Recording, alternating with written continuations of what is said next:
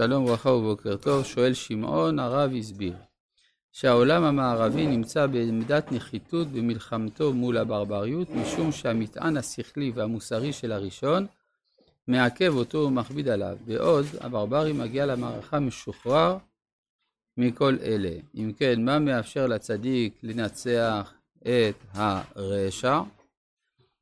מה שמאפשר לו זה שהוא יתגבר, מה זאת אומרת?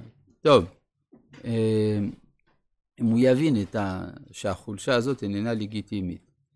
טוב, אנחנו ממשיכים בפרק ג' בפרשת דברים, בפסוק י"א. על, אנחנו התחלנו את הפסוק, כי רק עוג מלך הבשן נשאר מיתר הרפאים, והנה ארסו, ארסו ארס ברזל, עלוי ברבת בני עמון, תשע אמות אורכה וארבע אמות רוחבה באמת איש. אז אני מזכיר, אה, אמרתי את זה אתמול אה, בזריזות, את דברי הרמב"ם במורה נבוכים, שמסביר שמיטה, ודאי מיטה של אדם מכובד, היא בגודל של אה, אדם וחצי השוכב בה. אז אם ארסו של עוג היא תשע אמות, סימן שהגודל של עוג היה שש אמות. שש אמות זה אמנם גבוה, אבל זה עדיין בגדר האפשרי מבחינת הטבע. כמו שמצאנו גם אצל, אה, אצל גוליית, שהיה שש אמות וזרת. ואת הארץ הזאת, אבל זה בא להראות כמה, גבורה הייתה לו, ואת הארץ הזאת ירשנו. אז כאן יש אה, אה, תיאור מסכם, ואת ההיא מהרוער אשר על שפת נחת, אשר על שפת, אשר על נחל ארנון, וחצי הר הגלעד והערב, נתתי לראובני ולגדי. זה בעצם ממלכת סיחון. ויתר הגלעד, כלומר מצפון ליבוק, וכל הבשן ממלכת עוג, נתתי לחצי שבט המנשה.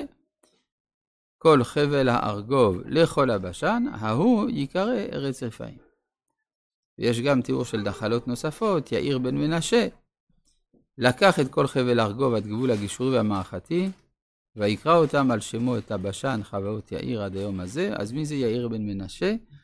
אז הוא כבש את הארץ, אבל מתי הוא כבש את חבל ארגוב עד גבול הגישורי והמערכתי? לפי מה שלמדנו על פי תלמידי רבנו סעדיה, זה היה לפני שעבוד מצרים, ולכן אף על פי שהארץ הזאת בסוף עבדה מצאצאיו, אבל זה ירושתם, ולכן משה נותן להם את מה? את uh, הנחלה שלהם.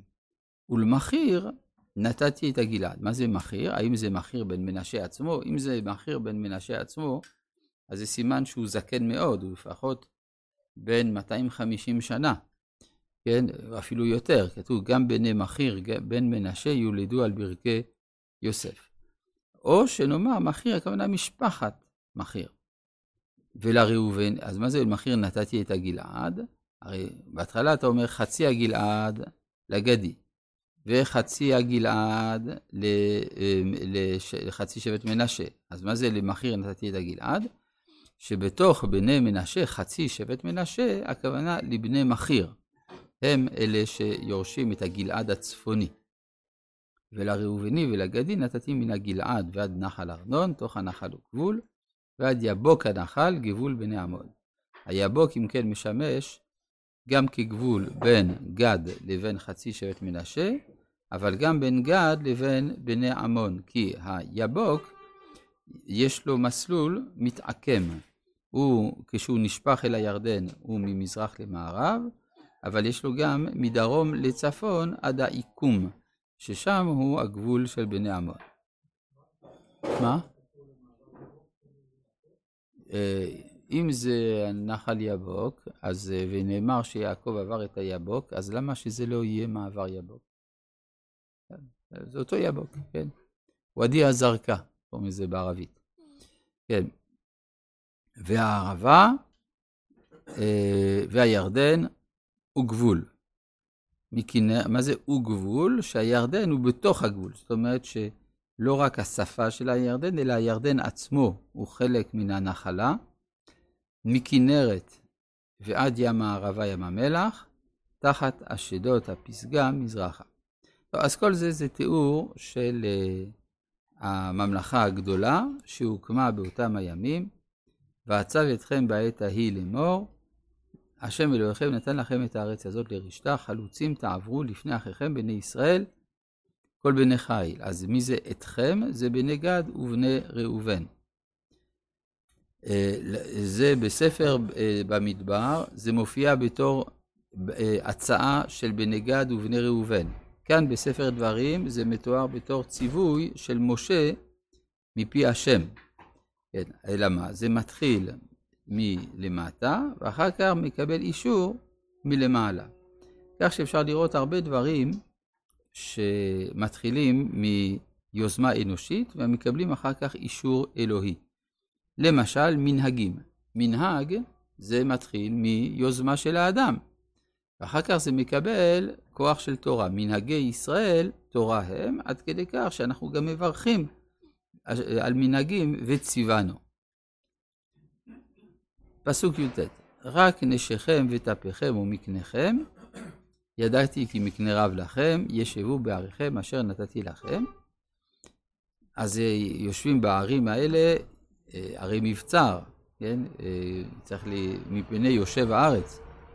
עד אשר יניח השם מלאכיכם ככם, וירשו גם הם את הארץ אשר השם אלוהיכם ייתן להם בעבר הירדן, ושבתם איש לירושתו, אשר נתתי לכם. זה כל ספר דברים, כן, לוקח דברים שהם היו לכאורה יוזמה מקרית, איזה מין תאונת דרכים, וזה הופך להיות חלק ממצוות השם. כך גם ספר אה, דברים בכללו, הוא ספר שמתחיל מיוזמה של משה, והקדוש ברוך הוא אומר למשה, תכתוב את זה בתורה. אז מצד אחד זה דברים שמשה אומר מפי עצמו, מצד שני זה דבר השם, כי הרי האומר, פסוק זה, משה מפי עצמו אמרו, הרי זה אפיקורוס. מה זאת אומרת? זאת אומרת שהטענה, אם יאמר שמשה הכניס את הפסוק הזה בתורה מדעתו, בלי שהשם ציווה עליו, זה האפיקורוס. ואת יהושע ציוויתי, בעת ההיא לאמור, עיניך רואות את כל אשר עשה השם אלוהיכם לשני המלכים האלה, כן יעשה השם לכל הממלכות אשר אתה עובר שמה. מה זה כן יעשה? אז מה זה יהושע ציוויתי? או ש... שזה משה שמצווה, או שהשם יעשה. אלא רואים שאם יהושע עושה מה שמשה אומר, זה נקרא שהשם עושה. האם, האם יהושע עשה את זה? יש בספר יהושע תיאור של כיבושים, אבל יש גם הארץ הנשארת, מה שיהושע לא כבש.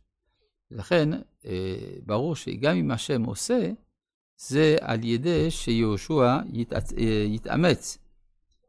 לא תירא... עכשיו, למה באמת יהושע לא כבש את כל הארץ? זו שאלה מעניינת. כן? רואים לפי הנתונים של הארכיאולוגיה, שהאזורים שיהושע לא כבש, הם המקומות שבהם מלך מצרים שלט. מלך מצרים שלט לאורך שפלת החוף, וגם על ההר הלבנון, כן? ולא על, אה, על ארץ כנען. ואז יוצא שיש חפיפה מאוד מעניינת בין מה שיהושע כובש לבין מה שמלך מצרים לא שולט בו. לא תיראום. לא, לא כי, כי מצרים הייתה מעצמה. זה כלומר להתמודד עם מלכי כנען, שכל אחד יש לו ממלכה קטנה וצבא קטן. אז, ועם כל, אה, ש, כל, כל חיילי ישראל, אז זה קל.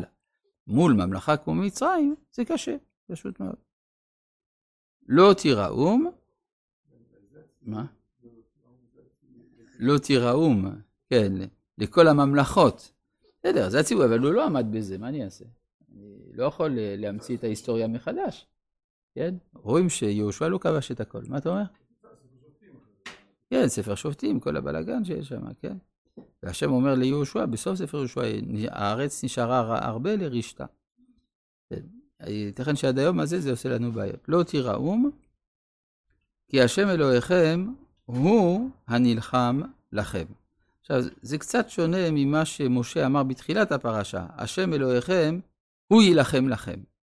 לא, אז כאן משה מבין שלא נכון לומר שהשם לוחם במקומנו, אנחנו נלחמים, ואנחנו יודעים שהשם אלוהיכם הוא הנלחם לכם, או כמו שאומר הרמב"ם, שאדם שיוצא למלחמה, צריך לדעת שעל ייחוד השם הוא עושה מלחמה.